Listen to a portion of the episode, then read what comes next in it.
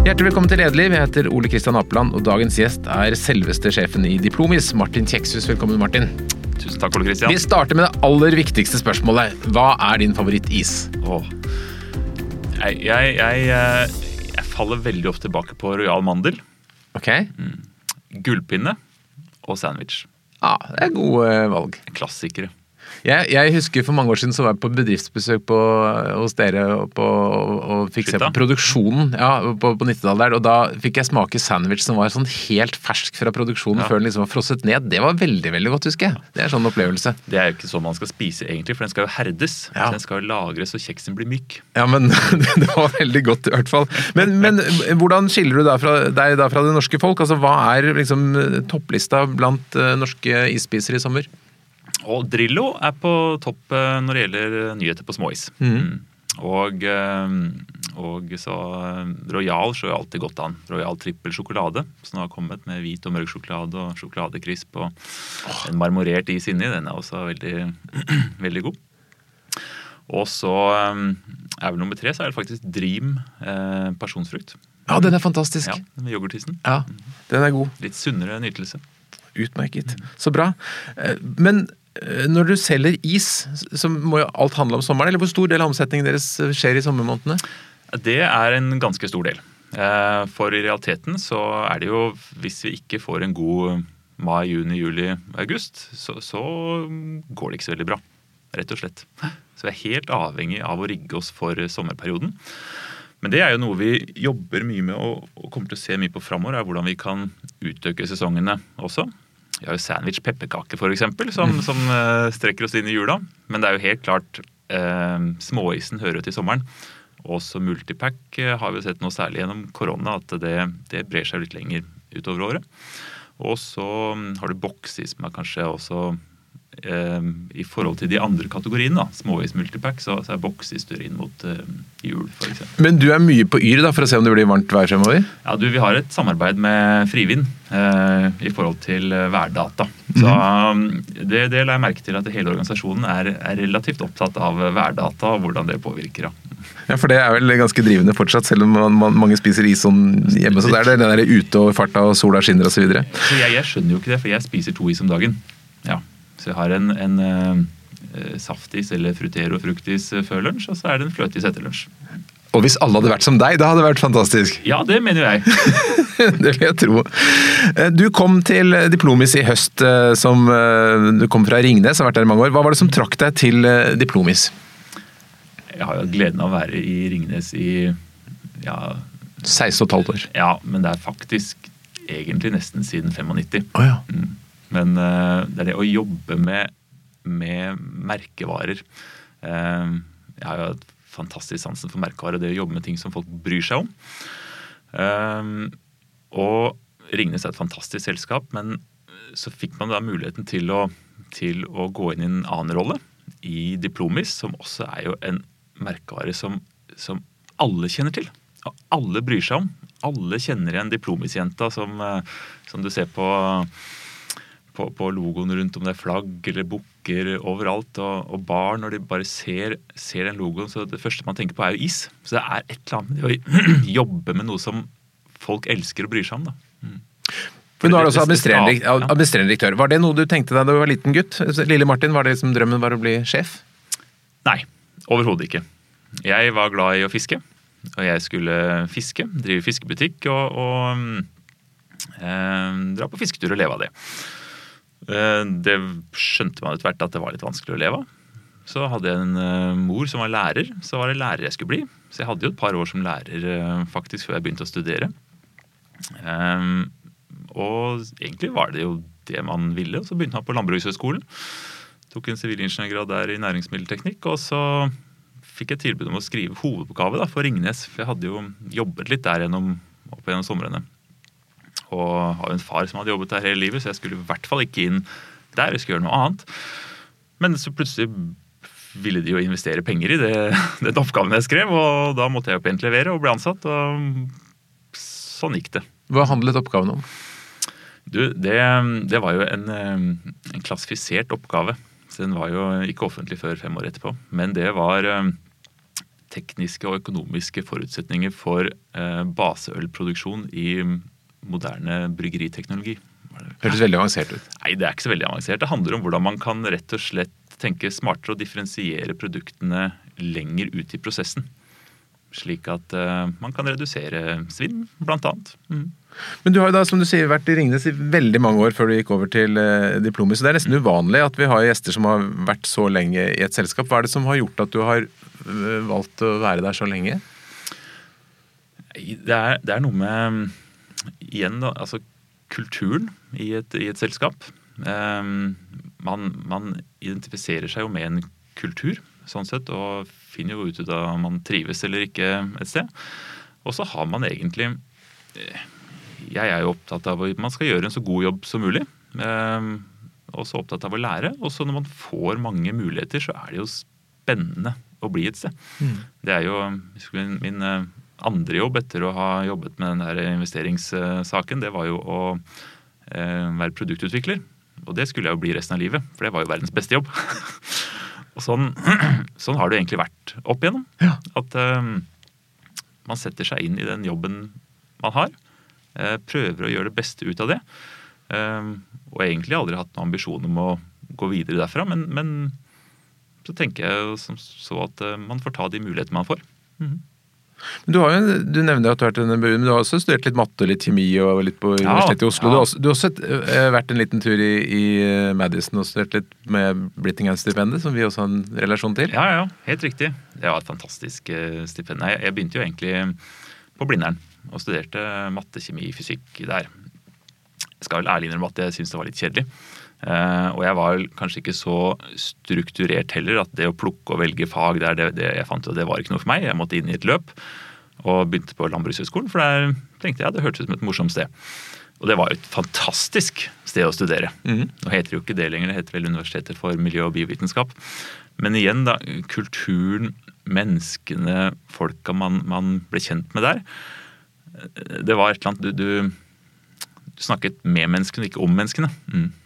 Så, så, og jeg har jo fremdeles veldig stor glede av, av eh, vennene man fikk der nede. Mm. Fantastisk. Og dette lille utenlandsoppholdet, hva som er på forhånd? Ja, det, det kommer jo litt bardus på, fordi igjen, jeg er jo nok kanskje en Eller var nok en person som på en måte søkte trygghet. Og likte ikke på en måte de, de største utfordringene å utfordre meg selv. Og så mm, hadde jeg en mor som da prøvde å pushe meg litt. og pekte på en annonse i avisen med et stipend hvor du kunne dra til USA og studere. Og det var jo faktisk Du skulle jo få ja, det var vel 30 000-35 000 dollar da i 2002 for å kunne studere egentlig det du, det du ville. Men du måtte vise til eh, gode akademiske resultater, og, og du måtte være en god ambassadør for Norge. og jeg søkte og var gjennom ett og to og tre intervjuer, tror jeg, og så plutselig fikk jeg det stipendet.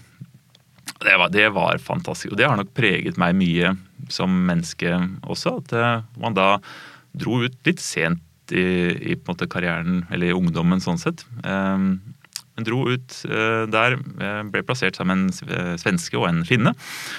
Og fikk et fantastisk nettverk av amerikanske og nordiske venner. For det her var jo en organisasjon som hadde en stor alumniforening også. Og fikk jo muligheten én til å lære mye der, men også reise rundt. Så jeg tror vi dekket 40 av statene i USA det året der. Sånn. For det var jo en del av pakka å reise rundt og bli kjent med de andre som hadde fått tilsvarende stipender for å studere i Norge, Sverige eller Danmark. Da. Hvordan forandret det deg? Nei, det var egentlig det suget etter å, å være åpen for egentlig andre kulturer, andre mennesker, det å prøve nye ting. Mm. Er amerikanerne bedre enn nordmenn på det? Uh, det vet jeg ikke. Men uh, jeg følte nok det da. At da, da var liksom det å ikke være redd for det ukjente. Det, det, var noe som på en måte trygget meg der. Mm. Og det, det, preger meg nok litt sånn i dag også, fordi jeg tenker sånn så at uh, det verste man kan få, er jo nei. Hvis man spør om noe. Så, så, så det å plukke opp telefonen og ringe en helt ukjent person, det, det på en måte en helt naturlig ting jeg gjør. Så bra. Men eh, i, i, Ringnes, du sier kulturen er, kultur er jo spennende, vi har snakket mye om ledelig. Hva, hva, er det som man har klart i Ringnes som gjør at du da har valgt å være der superlenge og de, de holder på? Hva er det liksom nøkkelen? Nei, jeg tror det er En, det er jo produktene som man, som man er. Og, og, alle har jo på en måte et Alle vet jo hvor mye folk bryr seg om å elske produktene man lager. Om det var brus, eller om det var øl, eh, sånn sett, eller Farris. Så, så er det at alle har liksom ett iboende ønske. Det er å sørge for at eh, vi produserer de varene til riktig kvalitet, slik at kunde og forbruker får nyte dem. Fordi alle vennene våre, altså alle vi kjenner, de, de mener noe om dette her. Og vi vil jo ikke identifisere oss med at de får en dårlig opplevelse med noe vi jobber med. Og det, det, det var det som fascinerte meg med, med kulturen der sånn. Og det at uh, man Du hadde veldig mange som hadde jobbet der lenge. Eh, som var veldig interessert i at andre skulle vokse, få lære av deres kompetanse. Eh, slik at man hele tiden sikret at man hadde en robust organisasjon. da så, så, og, og det, det, mm, det, er også noe som jeg har bitt meg merke i. det, Å, sikre gode programmer og rutiner rundt kompetanse, prosesser i selskap, slik at du skaper robuste organisasjoner. Da blir du langt mindre påvirket hvis sentrale personer slutter mm. etc. Mm. Og så har du vært lenge da i, i ledergruppen, men så når du kommer over i diplomet, så blir du liksom øverste sjefen, han som alle ser til. Hvilke tanker gjorde du deg før du gjorde det skiftet? Nei, jeg, jeg tenkte jo litt på det. Skal man, skal man, gjøre dette her, eller skal man ikke gjøre dette her? Eh, og, og, og, igjen så Men jeg var vel kommet der hvor jeg tenkte tilbake på Livet handler jo om livslang læring. Og nå hadde jeg vært i en rolle mer eller mindre lik med litt større ansvar etter hvert i åtte år. Eh, og det, selv om, om, man har vært gjennom fire Jeg hadde jo mange sjefer samtidig. for jeg, det, det, var jo på en måte, hadde jo en matriseledelse inn mot uh, sentral supply chain og så en konsernledelse i Norge med mm. administrerende her. Så man hadde jo vært gjennom seks-syv uh, ulike sjefer gjennom årene. Mm. Og ting ble litt, litt rutinemessig etter hvert. Og, og da er det litt på tide å utfordre seg selv igjen. Men da hadde du jo vært ansvar for produksjonen, og nå i Diplomi skal du ha ansvar for alt. Og når du gikk og satte deg på, i sjefsstolen på Diplomis, hvordan ville du at, eller vil du at folk skal oppfatte deg som leder? Det er en som vil selskapet og folk vel. Ja. Jeg tror jo intuitivt det beste om folk. Ja. Og jeg har altså Folk er folk. Du skal behandle folk som du ønsker at folk skal behandle deg selv. Eh, og så handler det si, I et selskap så har du alltid du har mange funksjonsområder. Eh, og du lykkes jo som selskap hvis du får alle til å forstå hva er det som skaper verdi i selskapet. Hva er våre unike faktorer som på en måte kunde og forbruker eh, ønsker til syvende og sist. Og hvordan er det vi får da funksjonene og, og selskapet til å spille godt eh, sammen. Og da få identifisert disse, disse uh, viktige arenaen egentlig hva vi skal levere på, men også viktige arena hvordan vi må jobbe sammen. Eh, det, det, er essensielt for meg. Fordi vi kan ikke ha det sånn hvor vi har og det, det, var jo litt av både i Diplomis uh, og Ringnes. altså man, man, har jo funksjonsorientering sånn sett, og det er lett på en måte hvis du har et funksjonsansvar å, å orientere deg om din funksjon, for det er det som du kanskje primært eh, blir målt på. Så det å, å, å, sørge for at alle har en felles forståelse av hva det vi egentlig skal oppnå som selskap, slik at uh, man forstår sin jobb, uansett hvor man er i en organisasjon, i det store bildet. Hva hvorfor, gjør, hvorfor, er det viktig at jeg gjør det jeg gjør nå, i den rekkefølgen, på den måten, for å lykkes med det, de, de overordnede målene. Mm. Og så er det litt morsomt at du som har gått på Landbrukshøgskolen, nå er du jo faktisk da indirekte ja. eid av norske bønder. Ja, det for, er veldig veldig hyggelig. For du er eller, Diplomis eid av Tine, som igjen er eid av bøndene? Diplomis eid av Tine, som igjen er eid av bøndene. Så, så, vi er veldig stolte av å være en del av eh, landbruket. Og, og ikke minst det norske. For det er jo Altså, vi har jo eh, stort sett Altså, der det er mulig, så bruker vi norske råvarer. Mm. Og så Det er jo fløten. sånn sett. Og det, og det er jo ikke alle som er klar over, men norsk fløte er jo noe av den reneste fløten du får i verden. Mm. Med tanke på hvor lite antibiotika som vi har i norsk eh, landbruk. Og, og det er vi stolte av, som norske jordbær. Jeg tror vi er den eneste som bruker norske bær i, eh, i isen vår. Så, så, vi prøver hele tiden å sørge for at vi har en, en på en måte syklus og, og bruker norske råvarer. For det henger på en måte eh, ja, det, det, det, ligger på en måte i, i ryggraden vår i selskapet. Og dere bruker masse fløte, og fløte, en liter fløte krever en sånn 10-15 liter med melk. Så det er mye melk bak der, er det ikke det? Ja, ja, og det er jo en Mye melk bruker 150, du? Nei, vi, vi, vi, bruker melken fra en 150-60-70 gjennomsnittsgårder i Norge. Mm. Så det tilsvarer vel en 3000 melkekyr. Mm. Så, så, hvis man er glad i å holde liv i bygdene, så bør man spise is? Da bør du spise is. Fortrinnsvis diplomis. jeg tror kanskje den andre isen også har norsk melk, men ok. Men, men det, det Tine er jo litt annen type eier enn det Karlsberg er for, for Ringnes. Hva, hva, er det Tine vil med deg og, og, og dere? Hva er ditt oppdrag i Diplomis? Nei, eh, mitt oppdrag i Diplomis det er jo som egentlig de fleste oppdragene til eh, andre administrerende i selskapet, er jo å skape en stabil og lønnsom vekst i selskapet. Sørge for at vi på en måte er, er et, et, eh, ordentlig merkevareselskap som sørger for stabil og lønnsom vekst, slik at vi er et bærekraftig selskap som også eksisterer lang tid i, i, framover. Og hvordan har du tenkt å gjøre det? Ja, det var et veldig godt spørsmål. Du, bare få sola til å skinne, så går det, så går det bra. Sier. Nei, det, det, det, handler jo om å forstå én eh, eh, hvor er det vi tjener penger? Eh, og hva vi tjener penger på. Eh, hvordan er det hva, hva, ønsker kundene våre? Hva ønsker forbrukerne våre? Hvilke kanaler er det vi, vi eh, spiller i? Eh, hva skal til for at vi lykkes, og kundene våre lykkes i de kanalene som vi ønsker å være.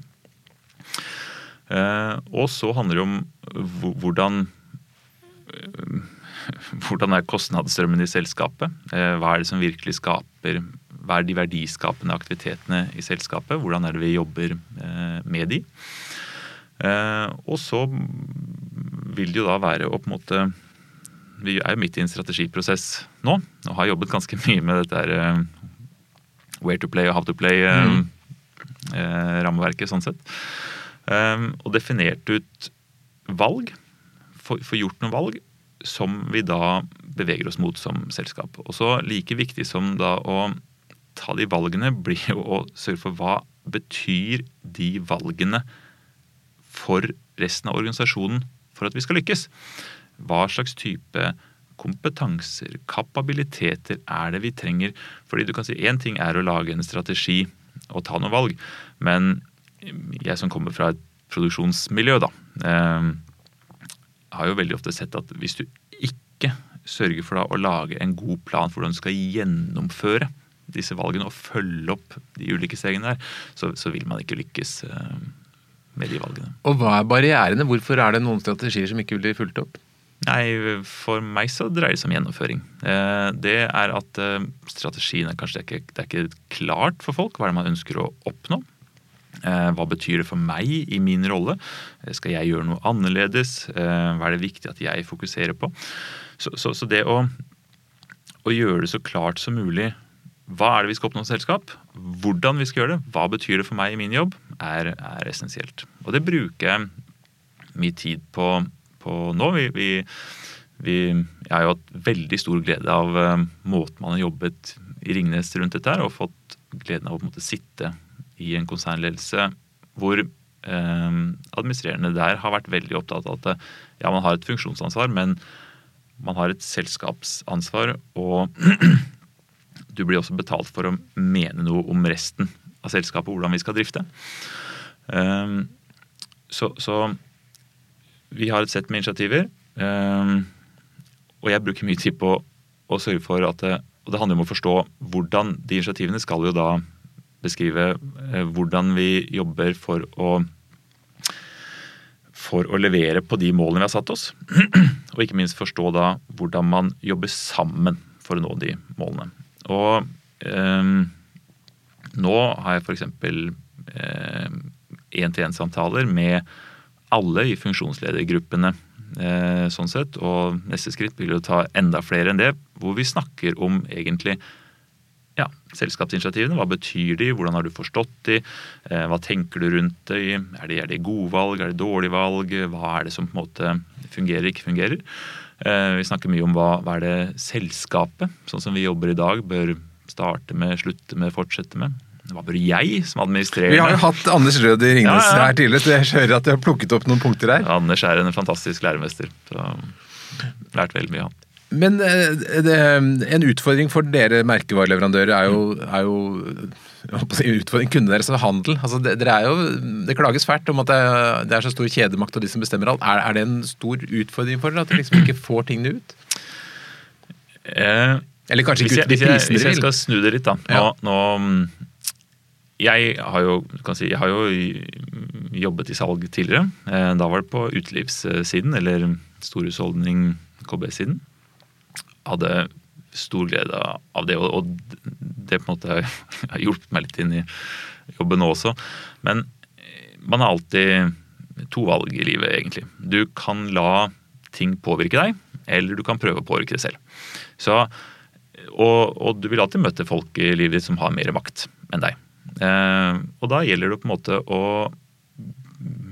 gjøre sine forberedelser. Eh, og prøve da å overbevise den personen eller de som på en måte skal selge dine produkter. Hvorfor, hvorfor skal de samarbeide med deg, og hvorfor, hvorfor, er det større sjanse for at de vil lykkes med deg med, framfor noen andre, kanskje. Så, så jeg velger å tro at ting er opp til oss. Ja. For dette markedet er jo preget av dere og en annen aktør fra Sørlandet. Som ja, i stor grad så har du Henning Olsnis og, ja. og Diplomis. Ja, Og så er det noen andre som kjører litt rundt med biler og lager bråk. Ja, nei, du har jo Isbjørnis også, som, som eh, opprinnelig er fra Askøy utenfor Bergen, som, som, har kommet uh, hardt inn i Rema, f.eks. Ja, for det, men, men er det slik at kjedene har hver sin eh, favoritt, eller er dere sammen begge steder noen steder? Nei, vi er ehm, Stort sett så, så, er det jo Henning Olsen i Norgesgruppen. Og så er det Diplomis i Rema og Coop. Ja. Eh, og så, mens de, vi er også inne på Royal, eh, Boxis i Meny, da, f.eks. Så, så, så det er jo altså det er jo gått fra å være et duopol egentlig, nå til å bli mer sammensatt. For du har jo andre aktører, Unilever med Ben Jerry's f.eks., kommet inn i, i, de fleste kjeder. sånn sett. Så, og jeg tror nok at det vil nok prege også markedet fremover. At du vil ikke ha den type duopoler eh, lenger, men at det vil bli langt mer fri konkurranse. Så, og der er vi nødt til å på en måte ta de grepene som vi mener vi må ta, sammen med kunder, i forhold til at eh, kategorien skal, skal vokse og, og overbevise om hvorfor vi skal være en attraktiv og relevant samarbeidspartner. I motsetning til en del andre gjester vi har hatt her, så kommer jo kanskje ikke netthandel til å prege ismarkedet så mye? Nja, det skal du ikke si. Altså, for vi ser jo det at uh, netthandel er jo et område som vokser mye. Og kanskje spesielt nå under uh, korona. Mm. Uh, sånn sett. Så, så, jeg tror nok vi, vi, er, vi tenker mye på det. Hva, hva betyr det for oss? Og, og, hvordan må vi på en måte også rigge oss for å kunne lykkes i framvoksende kanaler? Da. Mm. For det er jo ikke, Verden er jo ikke statisk. Det, det, har vi jo lært. Men hva er den viktigste faktoren? Er det, er det hvilke produkter du utvikler, eller hvilke kjeder det er i, eller er det prisen, eller hva er liksom trikset for å selge mer is? Utover eh, norske råvarer og verdens beste fløte. Ja. Nei, det handler jo om å skape vinne vinnende konsepter som forbruker etterspør. Og så må du jo også eh, jobbe tett med kundene i forhold til å, å, å, finne løsninger som de også er interessert i. Fordi det er ikke sånn at eh, kjedene på sin side har noe monopol på sannheten hva som skal til for å lykkes, og heller ikke oss. Så, så det å jobbe tett sammen i forhold til hvordan kategorien eh, skal være en attraktiv kategori, er viktig. Hva er de mest spennende tingene på produktutviklingssiden? Det kan jeg jo ikke si her, Christian. Men som er lansert, da. Dere har vegansk is, har dere ikke? Jo, jo, det har vi. Royal um, vegansk is. Jeg har kommet med både på pinne nå, og også på boks. Og det er jo et område som vi ser um, vokser særlig du kan si, 05-segmentet. På, vi kaller det digg-segmentet. Det skjønner jeg ingenting. Hva nei, er det? Nei, det er jo, du har jo Stort sett så har jo boksis vært enten i liter eller to liters mm. mm. historisk. Men nå, Nå finner du boksis i tre liter, i to liter, i 1,2 og 0,9. Så, så det her dreier seg om typ, hvordan jobbe med pris, pakning, aktivitetsstrategier, ja. og, og, sørge for at vi har produkter til, til ulike behov. Da. Og så har det jo eh, dette med 05 bokser, ja. altså som er en Halvliter? Ja, man kaller det digg, eller primært meg selv, som er et virkelig nytelsesområde. Hvor man har typisk Ben Jerry's, du har Royal eh, 05-boksene, som har mye mer digg i seg enn serveringsis 09 Royal, og du har jo kanskje eh, Henning Olsen og Freia i eh, med sin satsing. Mm der, som, som, er et eh, vel, Kanskje den eller det segmentet innenfor boksi som vokser mest. da. Og så Der har vi nå kommet med veganske produkter. For Vi ser jo det at veganske, veganske produkter etter, etterspørres mye. Og vi har jo på en måte en Og Hvordan lages de da? Hva skiller det fra anis? Nei, det er jo, det er jo ikke fløtebasert sånn sett. Havre, f.eks. Havrebasert? Ja. ja. Mm. Det er fantastisk, du bør smake på det. Det er kjempegodt. Og, og, det, og, det, ser vi nå at det er virkelig noe som folk også etterspør. Mm. Og så gjelder det da hvordan sørge for at dette her blir kjent nok og markedsført uh, godt nok. For det er jo alltid et uh, spørsmål hvordan skal man Hvor mye penger skal man bruke på, på merkene sine? Men det er jo kanskje mange som er, søker spesielt etter veganske produkter som vil ja, finne havrisen? Og det, det, ser man jo. Og det ser vi også på, på um, Eh, diplomisbilen f.eks., som, som er direkte hjem til, eh, til forbruker. Der også etterspørres eh, veganske produkter. Hvor stort segment er vegansk?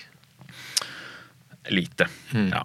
Vi snakker om et par, par prosent knapt, men vi ser at det, det, vokser. Samtidig som også laktosefritt vokser. så, så der man, altså vi, vi, skal jo være hele Norges iskrem. Mm. Så, så, og I det så ligger det også at vi skal være til stede det er hvor folk er. Men vi skal også ha produkter til egentlig alle typer målgrupper. Da. Mm. Og Apropos hele Norges iskrem, er det forskjeller i Norge på hvordan vi spiser is? Ja. Eller ikke på hvordan man spiser eller, isen. Man spiser. men, men, eh, vi ser jo sånn uh, værutslag, da, som vi var inne på tidligere. Det er jo uh, Er det finvær i nord, så går folk mer bananas enn de gjør på Østlandet. Mm. Altså, man får jo et, et, løft på Østlandet også, men, men, det er liksom et markant mer løft uh, lenger nord, da, hvor man kanskje ikke er, har så mye utpreget fint vær uh, gjennom året. Og er det kanskje også sånn, noen alderssegmenter? At det er noe som er hot blant ungdom, og noe blant voksne, og noe blant kanskje gamle? Ja, det, det er klart. Um, vi, vi, har jo, du kan si, uh, nytelses is, kan du si, som er på en måte i segmentet nytelse. Og så har du jo det som går på, på um, sunnere uh, is. Et med, med, mindre sukker, mindre fett, hvor du typisk har eh, mye altså frutero. Eh, 80-50-80% frukt. Det, det, er jo et voksende segment både blant barn og unge. Eh, Dream yoghurtis, når den kom uh, for noen tiår tilbake, så var jo det et helt nytt konsept med, mm. med en lettere base, færre kalorier. Eh, så, men likevel så ser vi det at eh, det er, det er ikke sånn at eh, jeg spiser den isen og du spiser den, og så spiser barna våre noe annet. De, de størrelse mm. er viktig blant, blant, barn når det gjelder is, ser man jo. Så, og der har jo vi en oppgave å sørge for at vi skal tilby det som forbrukere og kunder har, men vi skal også tilby noe som gjør at man, man kan spise is med god samvittighet. Da. Dere er jo et merkevareselskap. Hva, om dette med reklame, markedsføring, TV-forbruk og sånn mm. er i endring, hva er, er de viktigste kanalene for å liksom bygge merkevare i dag? Tradisjonelt sett, hvis du ser tilbake, så er TV en veldig viktig kanal. TV er jo fremdeles et, et viktig medium, men det er klart sosiale eh, medier eh, er viktigere og viktigere i forhold til dette. Og vi ser jo folk, folks engasjement rundt is. Det, det, det, overrasket meg egentlig litt. For jeg, jeg, tenkte jo at eh, man engasjerte seg mer knyttet til drikkevarer som er en større kategori enn is. Men når jeg ser da alle ulike Facebook-grupper og, og, hvor mange følgere altså Jeg tror eh, vi relanserte jo Crash Pink, for eksempel. Som der var det en gruppe som hadde jeg tror det var 35 000 følgere. Er det med tyggegummi? Det med tyggemin, ja. ja. Mm. Uh, som igjen ble en braksuksess eh, i fjor. Og så tilsvarende så var det Drillo var det mange som etterspurte. Så, så, det er jo veldig, veldig morsomt å se hvordan det engasjerer. Og, og igjen da, så, så, handler det jo om da kan si, Hvordan bruker vi de ulike mediene riktig?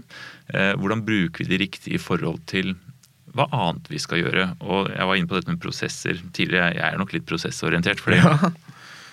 et av kan jeg si, et av initiativene vi jobber med da, i år, er jo å maksimere kommersiell gjennomføringskraft. Og for Det var viktig for meg å forstå hvordan er det vi går i takt som selskap. For Vi hadde et budsjett på media. Eh, vi har noen kundeavtaler.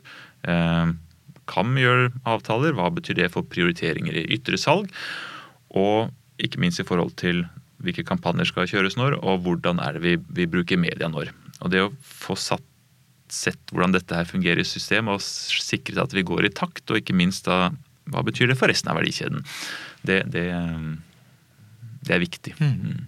Du sa naturlig nok så skjer veldig mye hos dere om sommeren. Betyr det at når man jobber i Diplomis at man ikke får sommerferie? Nei, overhodet ikke. Folk, eh, folk skal få sommerferie. Men det er klart eh, det er på sommeren det gjelder. Og, og det er noe som eh, jeg ser da i, i, selskapskulturen, sånn sett den dugnadsånden som er. Fordi folk altså, er utrolig fleksible, altså. Det er et enormt engasjement i forhold til å få isen ut. Der vi ser, får vi sommeren 2018 f.eks., da var jo ikke jeg der, men, men hvordan folk flytter ferier og, og, rigger seg til for å sikre at vet du hva, vi skal være leveringsdyktige. Vi skal få vår is ut til, til forbruker, slik at de kan nyte våre varer og få de At vi kan være med å skape de fine iskremøyeblikkene. Mm. For det er jo, og det er noe av det som preger Altså, jeg har jo aldri sett en sur person spise is. Og så Is skaper glede, og det å være med å skape glede og gode øyeblikk, det, det er nok noe av det som preger kulturen i selskapet også. Mm. Dere har gjort én en endring. Den startet vel før du kom, men altså Eskimo-piken som tidligere het Eskimonika, har blitt ja, forandret. Riktig. Kan du si litt om den prosessen, selv om du vel ikke hadde initiativet på den? Ja, nei det, altså Logoen vår er jo viktig. Eh, Diplomisjenta, som vi mm. kaller den nå. Og, og, det var jo det, Jeg nevnte jo det i stad, dette med gjenkjennelsesfaktoren. da. Vi er jo såpass heldige at vi har en logo eh, i merkevaren. Og, og, det er når folk ser den logoen, de, de tenker på is. Og hvis du ser tilbake på ja, siden 1930, da når vi startet egentlig på Lille Tuftene på Grünerløkka, så den logoen har jo endret seg opp gjennom årene. Det her er ikke første gangen. Den har jo, kan gå inn på nettsiden og se. Da ser du at den har vel vært ti ganger omtrent, hvor den har hatt gradvis endringer. Og nå var det på en måte igjen en modernisering av, av logoen. Viktig at gjenkjennelsesfaktoren er der, men også at den følger med tiden. Og det betyr at dere har tatt et skritt vekk fra Eskimo-identiteten, da? Unnskyld. Ja, det var jo ikke primærformålet med det. Men uh, det er jo ikke til å legge skjul på at det er jo en del uh, diskusjon i, i, media rundt, uh, rundt logoer og andre merkevarer som også folk føler seg krenket av. da. Ja. Så, så, men det var på en måte mer eller mindre en sånn hygienefaktor. Den den skulle på plass, og så var det var ikke det som var førende for logoutviklingen. Men allikevel så Eller ikke allikevel, men det med eh, Du kan si Når vi har den logoen vi har, da, og hvordan vi bruker den eh, framover, det, det, vil være viktig for å skape gjenkjennelsesfaktoren på alle våre produkter. fordi det er ikke alle som tenker kanskje at uh, Diplomis er Royal, Diplomis er Dream, det er Frutero. Men, men, det å på en måte sørge for at uh, når folk ser den logoen, og la den ikke gjennomsyret, men være en tydelig avsender på alle produktene vi har, at det er på en måte iboende med iskremglede, kvalitet, eh, det norske. Mm. Hvordan har responsen vært på den endringen?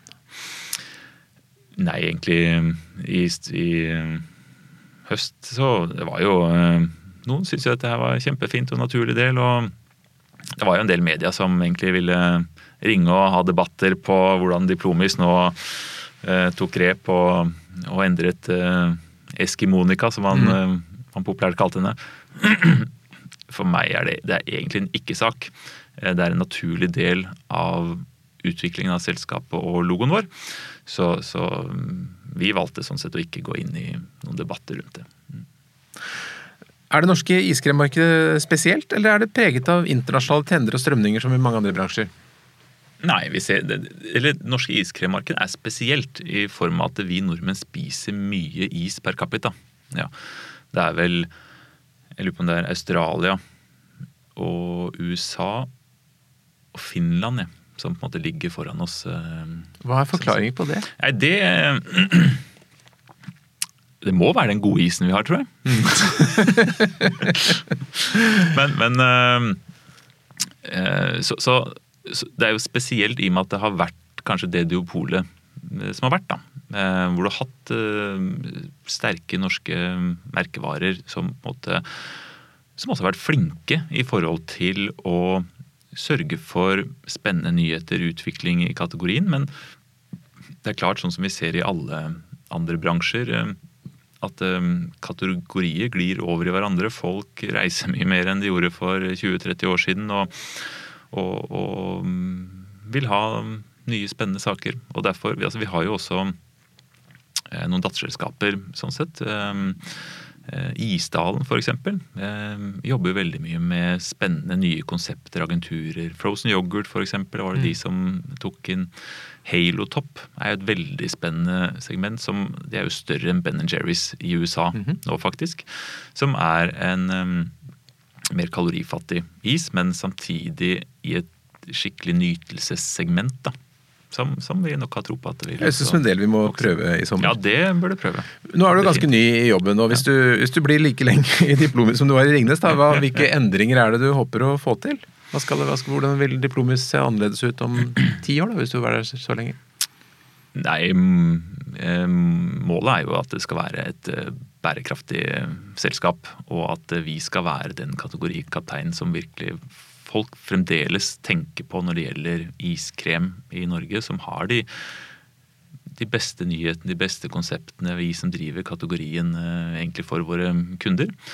Og så er eh, det like viktig å sørge for at eh, vi er et robust selskap. At vi har gode prosesser på tvers i selskapet. Og, og ja, nei, det sier jeg mm, ønsker å videreføre og bygge bedriftskulturen i Diplomis.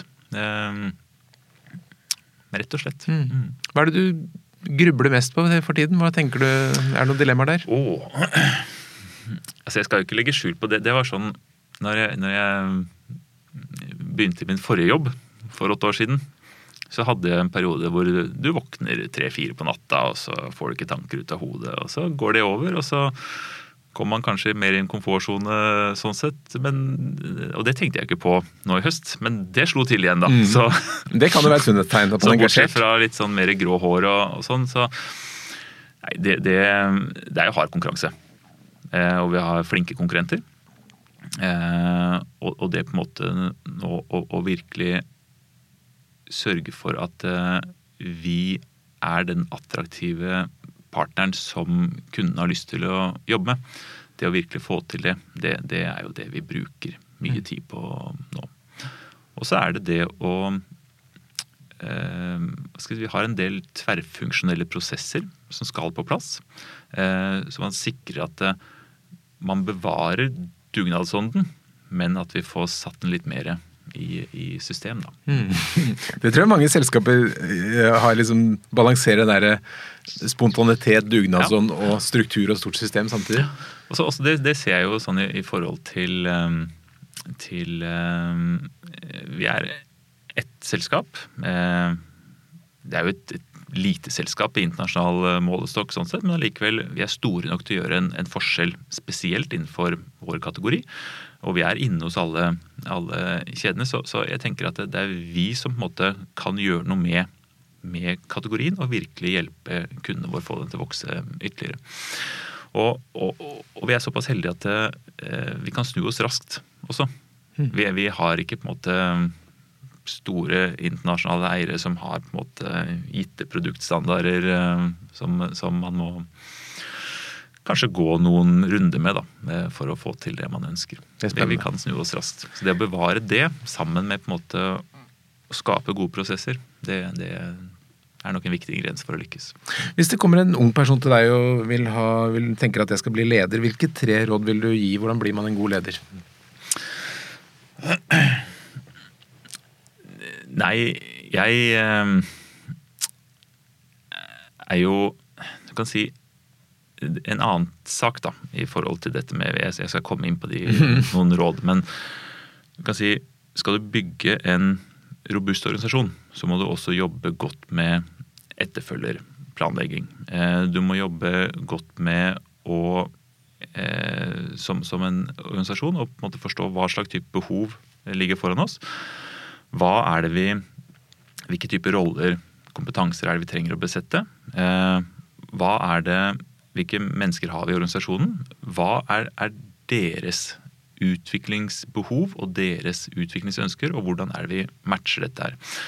Og du kan si eh, i, i, forhold til det å ønske utvikling, da, det var jo også noe som, som jeg satte stor pris på eh, hos mine tidligere ledere. Det er at eh, man blir ut, altså Selskapet vil ikke nødvendigvis fortelle deg hva du skal gjøre neste steg.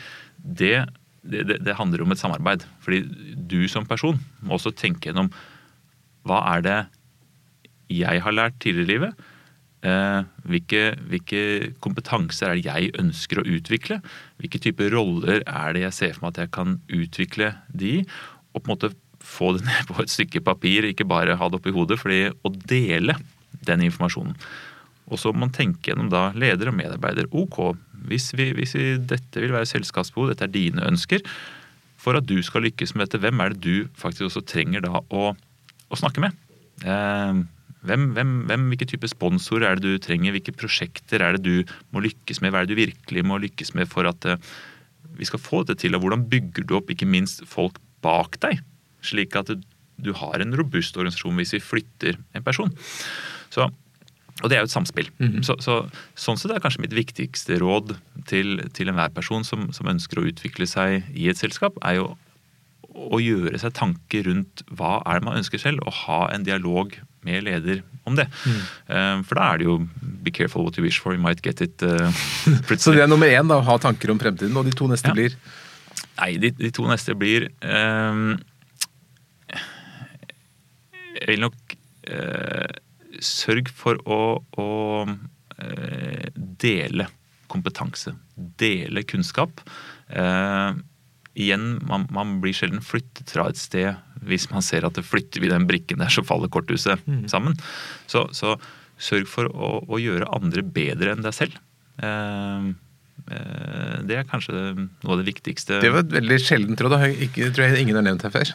Nei, men det, det altså Jeg vil jo aldri på en måte flytte en veldig viktig person altså, si, Som selskap så eier man jo folka sine mm. sammen. Det er ikke sånn at selv om man jobber i en funksjon, så, så er det kun innenfor den funksjonen man skal utvikle seg. Man, man, selskapet blir først robust når du skaper på en måte eh, eh, forflytninger på tvers, og folk ja, kan ja. få noen nye utfordringer. sånn sett, altså det var jo jeg skjønner jo nesten ikke at Ringnes eh, ville flytte meg til salg, som egentlig ikke hadde jobbet i salg før. Men, men, men allikevel, du får noen tøffe utfordringer. Eh, du har en god leder som tar vare på deg. Du blir veiledet og lærer å vokse. Og det har gitt meg, ga meg mye mer i jobben jeg skal gjøre etterpå, å ha jobbet tett med kundene og, mm. og, forstå egentlig hva som er viktig i andre deler av organisasjonen, da, for å igjen kunne utfordre tanker vi hadde, men ikke minst sikre dette må på plass for at vi skal lykkes her. Selv om man ikke har fått en bestilling på det, så ser du at det, oi, dette må vi faktisk legge til rette for. Uh, så det var nummer to, ikke gjør seg uerstattelig. Og nummer tre blir da?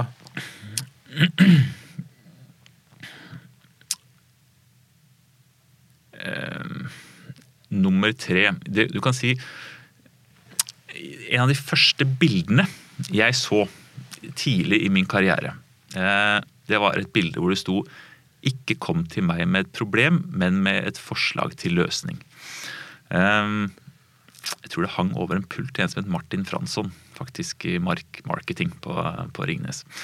Eh, og det er noe som alle egentlig bør ta inn over seg. Fordi eh, folk du, du, man ønsker å se at man evner å tenke selv.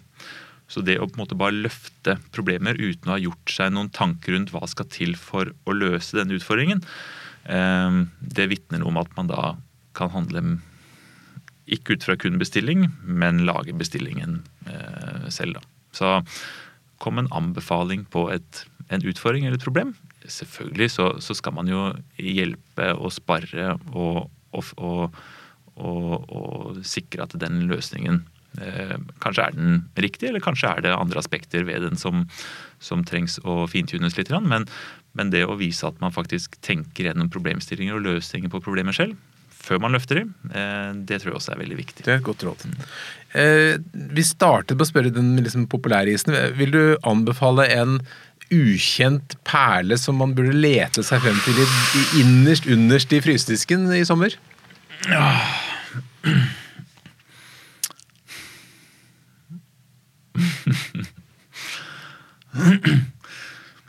Nei, det er, jo sjelden noe god taktikk å legge isen underst under noe andre is, skal man selge den isen.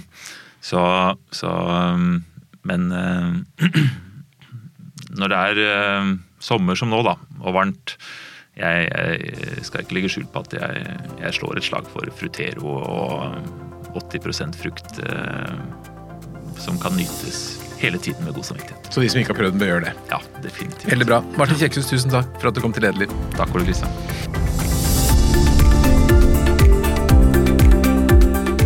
Lederliv er en podkast fra kommunikasjonsbyrået Apeland. Vi legger ut nye episoder hver fredag.